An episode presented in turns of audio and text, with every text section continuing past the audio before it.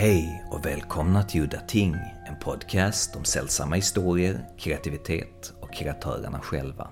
Mitt namn är Henrik Möller, musiken är skapad av Testbild och loggan till podden är gjord av Malmökonstnären Nalle Chinsky. Jag har ju haft ett äkta skräpfilmsavsnitt av Udda Ting med Joe D'Amatos Beyond the Darkness. Och det var ju ett tag sedan. Nu börjar det klia i fingrarna. Det är dags. I dagens avsnitt ska vi dyka ner i skiten, långt ner i Grindhouse avfallstunnan. Jag ska berätta att det var inte lätt att få tag på någon för dagens avsnitt, för att filmen vi ska tala om är så miserabel. Det var helt sjukt, alla jag frågade, inga namn nämnda, ville prata om filmen eller dess regissör, och jag bollades vidare till någon annan hela tiden. Det är något osäkert varför, men filmen är en sån där film som när man ser den då sitter man och tänker liksom, för helvete. Men man kan ändå inte sluta titta för det är en sorts ondskefull kraft som bara suger in en ner i hålet. Filmen i sig var en legend när jag växte upp. Rykten om snaffscener och att skådespelarna var mentalpatienter och en massa andra, andra jäkla fantasier. Det bästa är att det behövs liksom inga myter för filmen och dess historia är så mörk och sunkig att det räcker och blir över. Ryktet om ”snaff” spreds till stor del på grund av att alla som jobbade på filmen gick under pseudonym och ingen ville ju ha någonting med filmen att göra.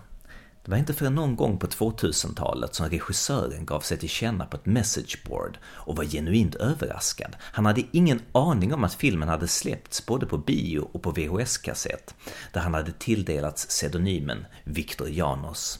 Victor Janos riktiga namn är Roger Watkins, en gammal misslyckad porrfilmsregissör vars filmer lär vara så sjukt avtändade och Bergmaneskt deprimerande. Roger Watkins har skrivit, regisserat, producerat och spelar huvudrollen som antihjälten Terry Hawkins i Last House. Filmen är gjord för mellan 300 000 till 1500 dollar beroende på vem du frågar. Ingen fick betalt för Roger Watkins köpte metamfetamin för två tredjedelar av budgeten, så framkallningen av filmen fick sponsras av Rogers föräldrar. Alla i produktionen var i alla fall överens om att Roger var sjuk i huvudet. De hatade honom, och det kanske är begripligt eftersom han sägs ha varit stenad genom hela filmproduktionen. Filmen är, som jag sa, inspelad på 16 mm, men ser så skit ut att man nästan hade kunnat tro att den var filmad på 8 mm. Värdelösa linser som ger dåligt skärpedjup, kassa kameravinklar och bitvis slapp handhållen kamera, men nu i alla fall med tiden, med den version som jag har sett, full av repor och smuts.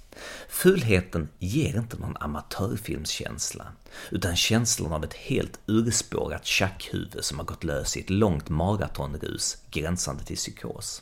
Detta fungerar faktiskt till filmens fördel som ren spekulation, för om man ska orka se filmen så bör man uppskatta smuts i ordets allra skitigaste bemärkelse.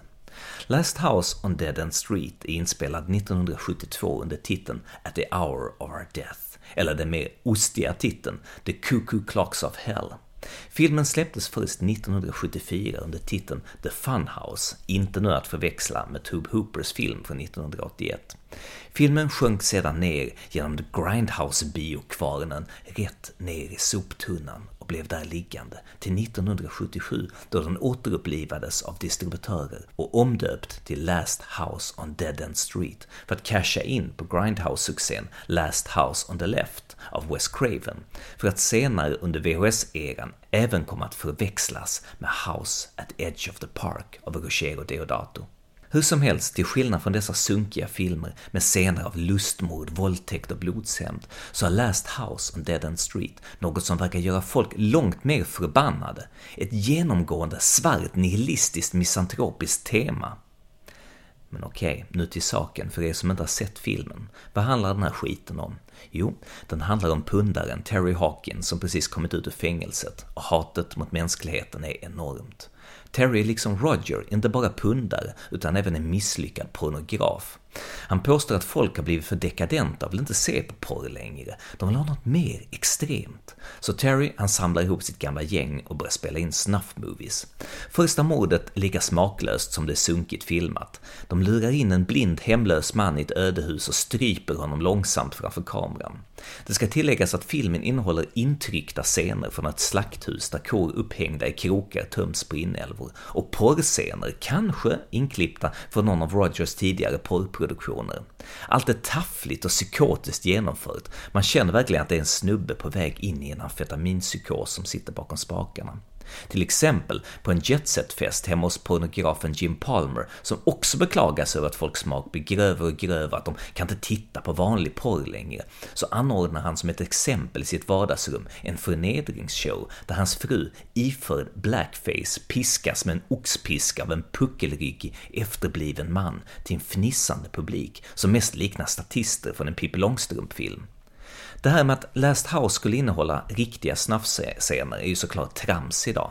Men som sagt, filmen håller kvar sin obehagliga känsla för att det är en sån där film där liksom hela filmen bara stinker skit och det lyser från varje bildruta att det är gjort av en depraverad jävel. Till exempel i en scen där en tjej med två avhuggna renben som djävulshorn på huvudet kommer fram, öppnar sin gylf och sticker ut en renhov. Hon tvingar en snubbe suga av renhoven i en lång utdragen scen där han tvingas se sig själv i spegeln medan han suger av hoven. Som belöning får han en borrmaskin rätt genom huvudet. En lång slafsig scen där den piskade och senare våldtagna blackface-kvinnan binds fast vid ett bord och senare långsamt sågas i bitar av slöa sågar. Det här uppräknandet av scener är inte så speciella i sig. Alltså, de är inte realistiskt övertygande någonstans, utan det är precis som Beyond the Darkness av Joe D'Amato. Det är metadelen som tränger igenom och in i ens huvud. Att folket bakom filmen är urspårade och gravt störda som berör tittaren. Man måste liksom se hela filmen i en sittning med sitt psykotiska soundtrack för att liksom få the full experience, som man säger. Det bör också tilläggas att originalversionen av filmen är 100 minuter längre och Roger Watkins hatar den här nedklippta versionen. Klart att filmen framstår som mer obegriplig nu, men seriöst, jag har svårt att tro att en längre version kunde fördjupat filmen mycket mer. Jag tror inte heller att många människor hade orkat sitta igenom en tre timmar lång version av det här. Filmen känns till och med nu längre än sina 78 minuter och man är helt matt efter man har sett den. Last House är en film som man inte behöver googla länge på för att hitta folk som är aggressivt provocerade av. En av de mest unika elementen i filmen är soundtracket. Det är sammanställt av regissören Roger Watkins från ett stock music-bibliotek där hastigheten på musikspåren har saktats ner, antagligen för att öka sunket. Soundtracket var så legendarisk att det släpptes på LP år 2013. Men nu, nog om mina egna spekulationer om filmen, för idag har vi faktiskt två stycken gäster med oss. Båda dessa två är något av experter på ämnet. Båda två har det gemensamt att de har träffat Roger i verkligheten och hängt med honom under ganska lång tid och spelat in audio commentary tracks till två helt olika DVD-utgåvor av filmen med Roger. Så att de sitter inne på ganska mycket information och så här vill de bli presenterade. Först har vi John Spoonar, a former head of Barrel Entertainment, editor-in-chief of Deep Red Magazine and author of Bloodsucking Freaks, The Life and Films of the Incredible Joel Reed. Och sedan har vi Art Edinger, editor of Ultraviolent magazine, a public defender, and a Razor Cake record reviewer. He lives in Pittsburgh, Pennsylvania, where his lifelong obsession with punk rock and horror exploitation cinema continues to consume him. Så, nu kör vi igång. John Szpunar. I remember when I first saw the film and I thought, who the hell are these people and who made this madness? Right, exactly. Yeah, I mean, that's one of the things when I first saw the movie, I was like, well, who are these people? I mean, what, what, what did I just watch? But then you, you meet Roger, and he was still pretty wild, but of course tamed down by the time I finally got to meet him all those years later. Um, but yeah, the movie is uh, an exercise in psychosis. I don't know how else to put it. Art Ettinger. Very few movies have as their main objective to make the audience feel bad, you know, and um and and so some of the more well-known movies like that would be a movie like I Spit on Your Grave or Last House on the Left that really like really spits in the audience's face and tries to make the audience upset and sick, you know. And um, this movie takes that to the next level. I mean, it's just a um, a very nihilistic, mean movie. In 1989, I was already obsessed with Chas Balun, and I was a pen pal of his.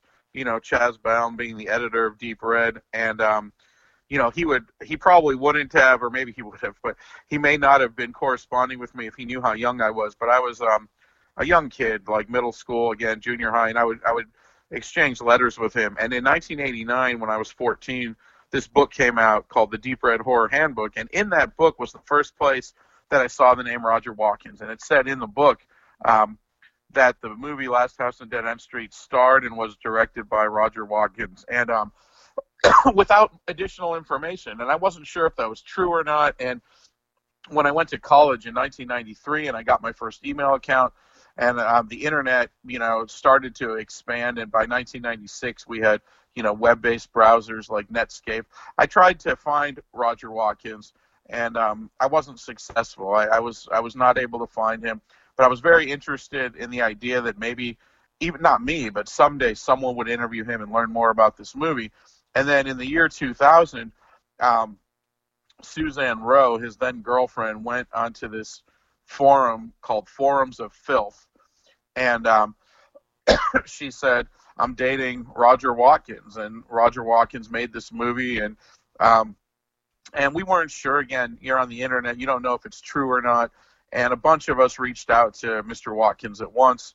Um, my friend Bruce Holecheck, who was supposed to be starting a magazine called Pages of Filth, suggested that I interview him because by that time on the internet, I had become kind of an expert of um, different versions of the movie. I'd collected seven or eight versions of the movie, which was really a lot at the time, and I sort of knew more about the different um, cuts of the movie than seemingly anyone else. And there's a lot of rumors about the length of this film and what was cut from it. The rumor is that the original was supposedly 180 minutes long. Well, that never had. That was never for, to be viewed. That was a rough cut with no sound. There was a two-hour cut though, with completely different dubbing that um, was intended to be seen and never was, and that's that's a version out there that um, you know hopefully will surface someday. There was a completely differently dubbed version. I have the notebooks that document this longer cut. Um, what all it is is there was a lot of slaughterhouse footage. The movie began with the slaughterhouse footage. Just about the only scene that's not in the movie that the only entire scene that's not in the movie that I could find is um, at that party scene where someone's being whipped. There was also a scene outside at a swimming pool. Um, there are people skinny dipping in a swimming pool. That's the only entire scene that doesn't make it into the movie. Really, what's missing is a lot of slaughterhouse footage. The entire second act, the entire last 45 minutes of the movie, as we know it today, is pretty much as it originally was. All the deaths are the same.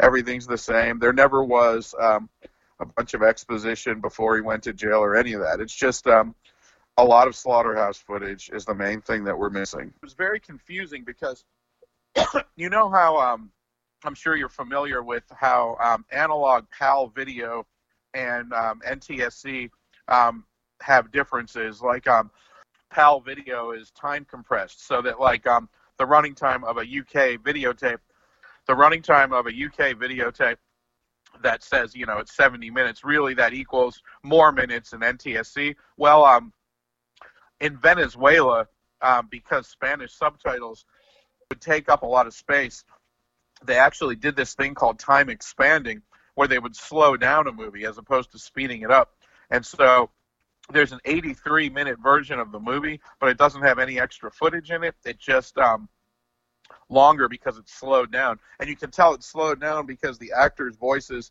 have a lower pitch, etc. So for a long time, people thought that was the longest version because they didn't do the research to be able to tell that it was slowed down. Um, really, the main cut is um, in many versions of the movie the so-called table torture scene where um, the woman is um, eviscerated on the table is cut about halfway through, and that's the main difference. Um, so you're you're only talking about a minute and a half, maybe, of um, and then there's lots of little difference. Not lots. There's a few little differences. There's also different title cards, but no, we're talking about a difference of anywhere from a few seconds to a minute and a half or so. Um, that long sequence, and I don't remember what the exact difference in running time is. I can look it up and and tell you. I certainly still have that information, but um, that scene cuts about halfway through in the shorter versions of the movie, um, and and that's well documented. I have the um, I have those running times um, available. I just don't have them right in front of me right now. Tell me how you first met and befriended Roger Watkins. When I first reached out to Roger Watkins, I sent him an email message and we exchanged a few messages back and forth. And he said he had my, he didn't give me his number, but he had my number and he said he would be happy to let me interview him.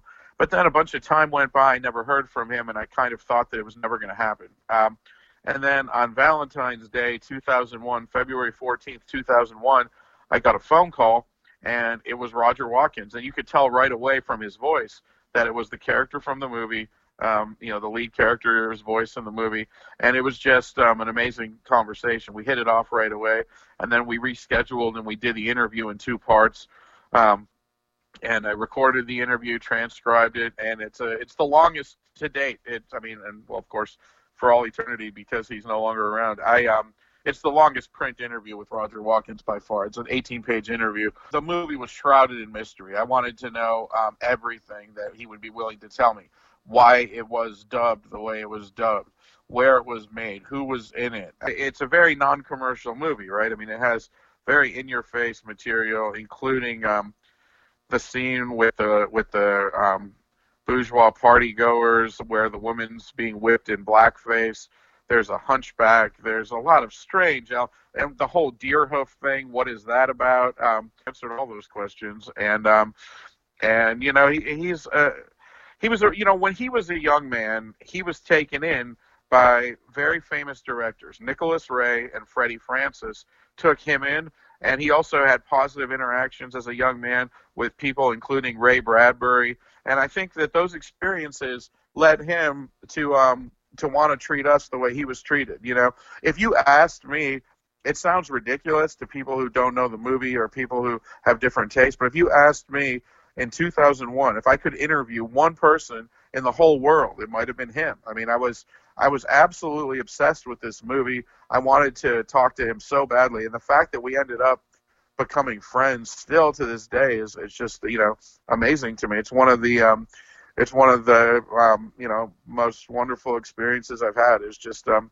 just remarkable getting to know him and spending time with him and you know and this interview you know I get asked about this interview more than any other that I've ever done and I've interviewed a lot of people a lot of people a lot more famous than him you know, I, have done a lot of other important interviews, but this is the one that people always want to talk about, particularly because, um, you know, now he's no longer alive and, and, no one has access to him as a result. But, um, you know, I mean, he, I, I, per, I own the um, three ring binder with the 16 millimeter um, frames from the original three hour cut of the movie.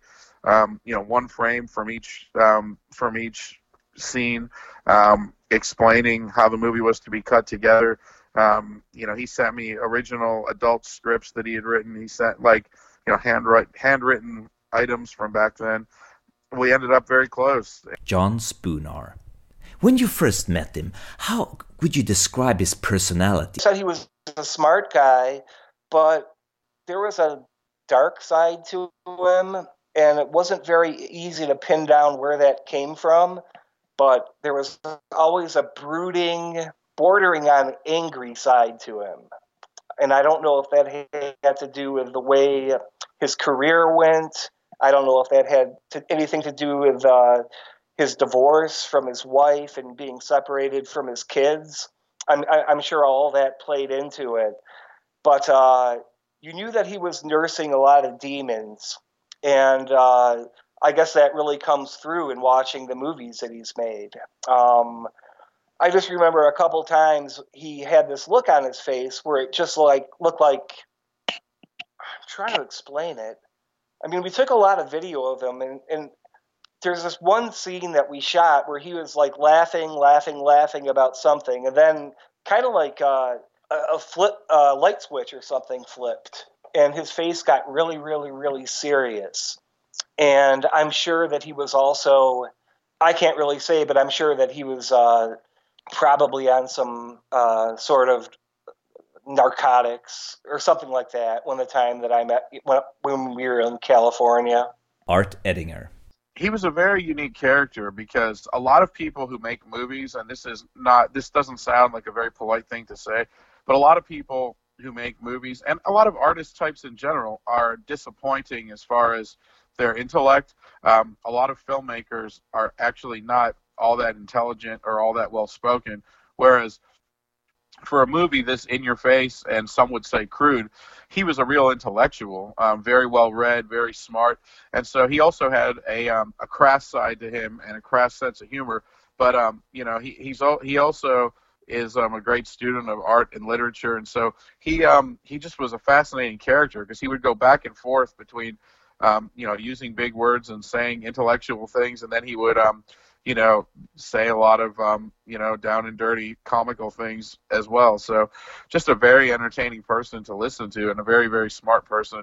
Um, and um, he and I had a lot in common as far as um, a lot of our beliefs, etc. So yeah, I don't know, a very complex guy, very well read. He was reading Shakespeare. He was. I'm curious to know what kind of films that Roger liked to watch. He, you know, he was more of a, a Hammer for, f- film fan and things like that. Um, as far as horror films go, he was a really big fan of the Wild Bunch. I know that. As far as the sex movies, I think he considered that sort of thing beneath him, and so but then again, he had to make a living when he was, um, you know, I mean, that's how he was making his li- living for a long time. But as far as the movies, like that we'd talked about, it would have been mostly the Wild Bunch, Freddie Francis movies. Uh, he liked Tim Burton a lot. He really liked uh, to like speed things up. He really liked Jim Van Bebber's movies. I've seen a photograph of you, Roger, and Jim Van Bebber together. Uh, that's when we did the uh, transfer and the audio commentary for Last House on Dead End Street. And so we went into Burbank. It was me, Roger, my business partner, Brian, and Chas Balun from Deep Red Magazine. He was still alive. And we recorded the audio commentary for that. And that evening, it was like, let's go out and do something and I knew Jim, and I knew he was a big fan of Roger, and I thought the two of them would get along.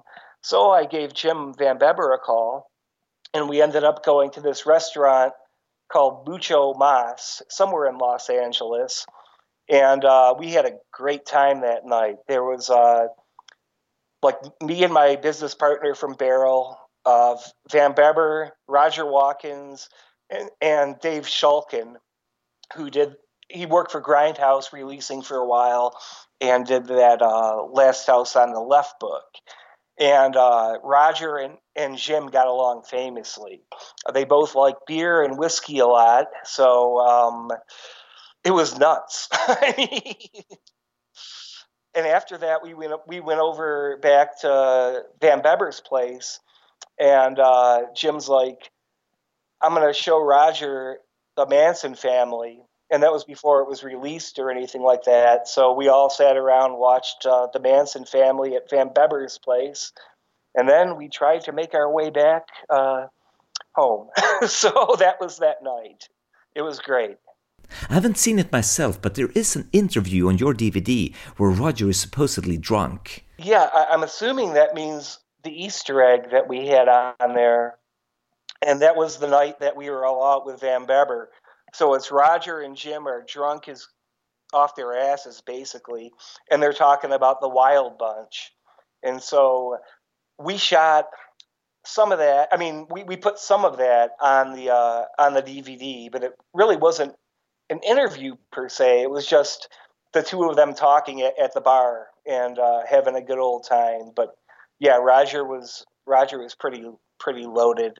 he was pretty wasted that night. So, do you know where, where Roger got the money to make the film and how he got the idea for the story? He didn't ha- really have any money to make the movie. He borrowed the equipment from um, his, his his college, um, so he had access to cameras and lights and all that. He was an actor, and people really thought he was going to be a great actor. And um, but he was creepy looking, and people would tell him, "Hey, you're like a creepy looking guy. You could play a Manson kind of character." And um, Helter Skelter, the book had come out, and this was shortly after the Manson murders. and um, he he sort of was inspired by that cult idea of um, of of Charlie Manson and the Manson family, and so um, that coupled with um, the snuff film myth was not something that maybe he was really um, thinking about or as focused about, but it's referenced in Helter Skelter, and it was a big part of like the feminist anti-porn movement in America and England, um, and you know all over really. This myth that um, women were being murdered for this um, on film for this underground society of men who were paying exorbitant prices and it was the ultimate pornography. And you know of course it, it was not true. I mean this, these movies were not being made um, for profit and they, they don't really exist. But the concept of snuff movies coupled with um, coupled with the fact that he was told that you know he's a maniac and, and he could play a cult leader in a movie that's sort of where he got the idea. Some of the other specific ideas were just him wanting to mess with the audience you know? He had this idea that um you know the slaughterhouse footage if you showed enough enough disgusting things on screen people would become immune to it and they would you know um, they would become desensitized to it. He thought that was an interesting concept. The um, blackface thing was just to shock people you know? Um, it, it just like a an image that he thought would um, offend and shock and he thought that was fun um, and something that he wanted to wanted to do also, um, you know, while while the movie was being made, it was made in 72, 73, something like that. Um, some somewhere in there, Last House on the Left came out. then it got a ton of press for being a low budget movie that um, was able to, you know, hit a wide audience and, and do very well. And so that became inspirational too. That that maybe you could make a commercial movie um, for almost no money that people would end up going to see but he didn't come up with the Last House on Dead End Street title or anything like that. Um, that was never his. But the money, he told me he spent most of it on speed. The famous rumor is that Roger spent two thirds of the budget on drugs. I mean, and this also screams of somebody who is totally irresponsible and out of control since making a film is very expensive. That's that smacks of something that someone says um, half jokingly. That is something he has said, but I mean, I I never believed that. I mean, that's that's you know um, you know, then again, like I said in this interview I did for this DVD, um, directors always say things like, "Oh, I wrote the script on napkins," or "I wrote the script on on um on the backs of envelopes," and, or on a legal pad. You never believe it. Like Don Edmonds, who directed Ilsa, She-Wolf of the SS, he was notorious for saying stuff like that. Like when I interviewed him, he'd say, "Oh, I wrote that script on." a legal pad. You, you never believe it. Well, meanwhile, Roger Watkins sends me an adult film script for American Babylon um, and it's on a legal pad. He just hand wrote the whole thing on a legal. So, I mean, some of the stuff that these people say is true, you know. And I certainly, um, you know, yeah, okay. So he, um, he was doing drugs at the time, but you know, were they spending all their budget on drugs? Of course not. That's ridiculous. Um, you know, but yeah, I mean, he has said that, but he was basically begging for locations. At one point in time, he wanted to shoot in the the the county jail in the neighborhood, but he had to talk to a judge about that or the magistrate or whatever, and they could never work anything out. But uh, a lot of the, the the things were shot at. Uh, well, you know the the guy um, with the, with the beard, right? Uh, like the Terry's right hand man. Um, like uh, Ken Fisher is his name, and uh, like the scene with the whipping and everything like that, that was shot at his parents' house. And actually, the deer hooves that they used for the movie, I think they came from Ken Fisher's house. They were just like his parents or something. They were hunters. I, I don't really know. I mean, have you heard the phone calls? He he had a log. We had hours worth of uh, recorded phone calls at our disposal which had to do with the production of the movie. And so you get him calling people day and night. Can you make it to this location? Well, I don't know if I can make it, Roger. Well, you better try and make it. Just try and make it. And then just back and forth and back and forth. And uh, it's really quite a strange diary when you get to hear all that. And I guess somewhat real time. I mean, from the beginning of the movie to the very end, uh, he had that audio re- uh, diary of things. So that really gives you an insight.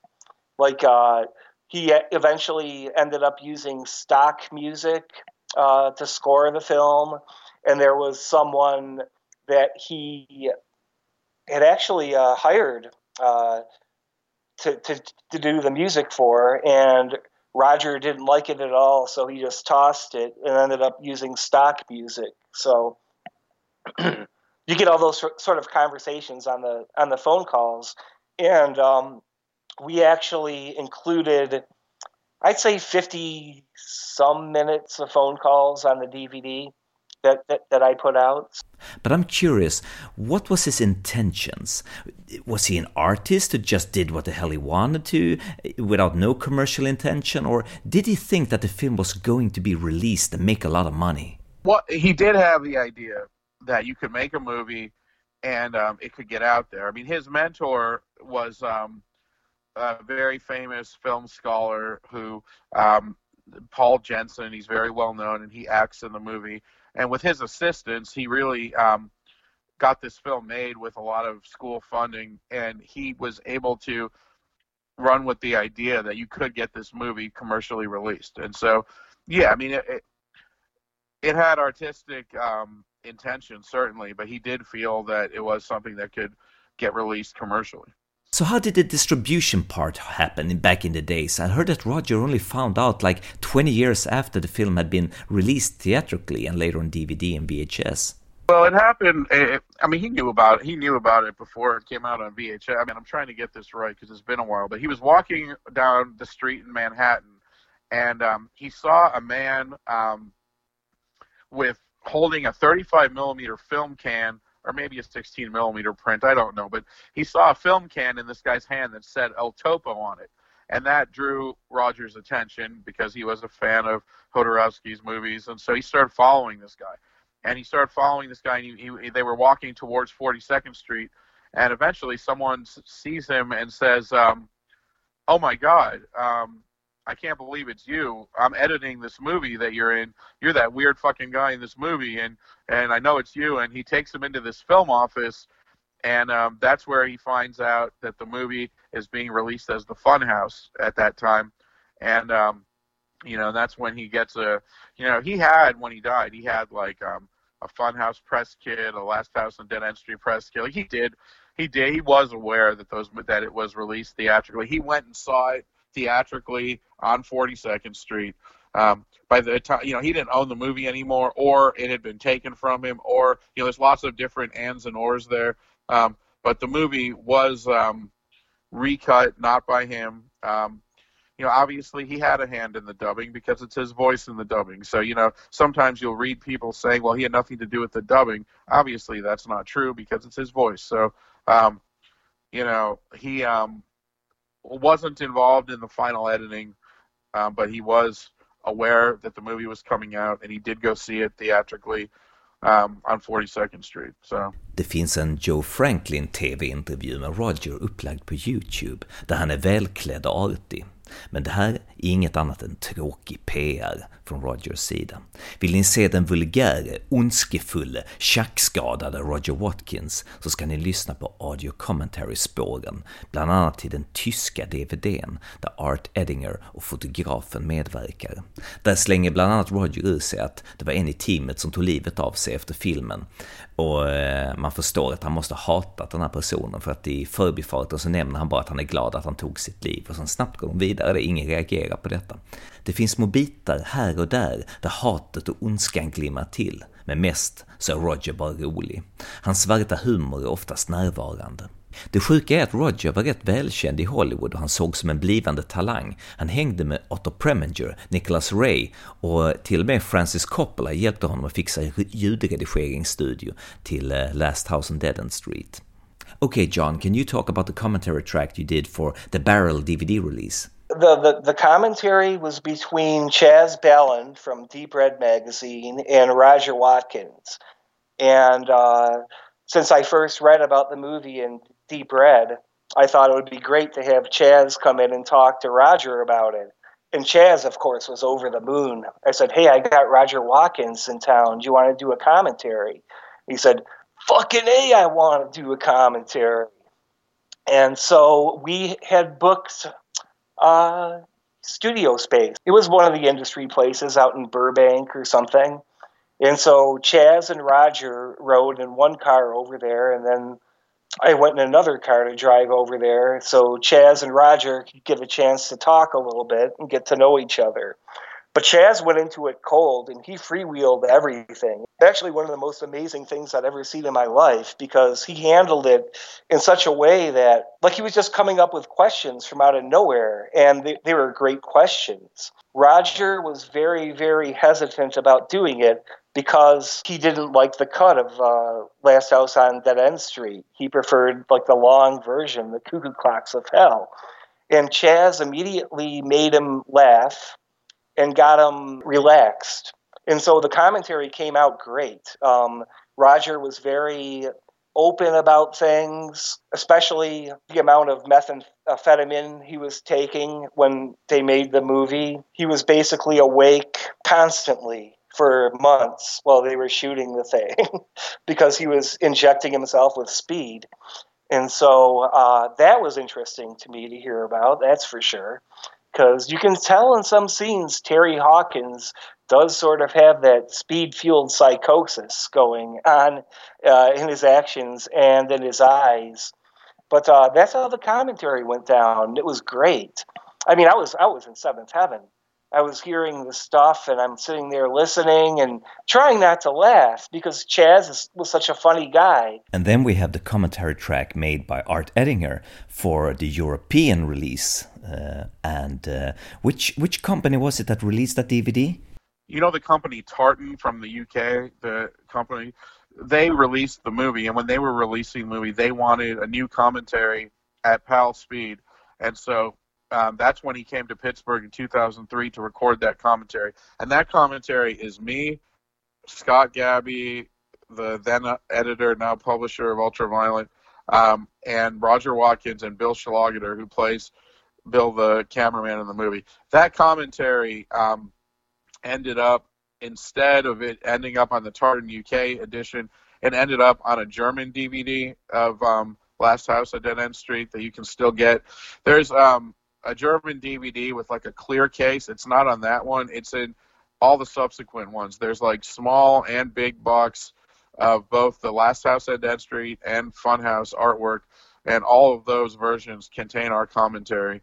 Um, and that's um, a commentary track I'm very proud of. And you know, like I said, we also recorded a full length adult commentary with him that hopefully will see the light of day someday as well. Did you get to interview his wife? I met now, you know, it was a very um, awkward situation going to his funeral because, you know, I went to his funeral and at that funeral, you know, she was there, his daughters were there, and I was in an awkward p- position because, of course, I wanted to talk to her about the movie, you know. Um, but um, yeah, his ex-wife, um, she and um, she plays this um, beautiful laughing woman on the couch. So if you know the movie well, there's this woman who is um, covering her face and laughing hysterically um, as that woman's being whipped. That's his wife, the beautiful woman on the couch who keeps covering her face. I can understand that becoming friends with one of your heroes must have been great. Oh, it was amazing! It was ama- It was amazing. I mean, you know, I'd already interviewed him and already had a rapport with him. And we just immediately um, took to each other we went out to eat. He was he was just filling us with story after story, and um, you know we were in a very affluent part of New Jersey. New Jersey is parts of New Jersey are very wealthy, and this is like right outside of New York City. And we were at a, a New Jersey diner with a lot of kind of snobbish people, and and Mr. Watkins was just going on and on about his adult career and saying you know vulgar things. It was hilarious. I mean, it was me and my girlfriend and um, a bunch of other people at the table, and he was saying, you know, things to us about Samantha Fox's pussy and this and that, and it was hilarious. And uh, we, you know, we just had a very, very good time, hit it off, and um, just we really became friends. I mean, um, you know, we went from I went from being um, he went from becoming a hero to a friend, right, like that. You know, and you have to remember, I was a budding young uh, movie journalist, and this is the first person I ever interviewed, and it ended up being such a big deal of an interview, and um, ended up leading to this great friendship. Could you share some of the pranks and jokes that he used to do when you hung out? Sure. So when he visited here in Pittsburgh, um, one of the jokes that we started playing on people was everywhere we would go, we would um, tell people he was a porn director. And so, you know, we'd be like at a restaurant and we would tell everyone there, hey, this is a porn director.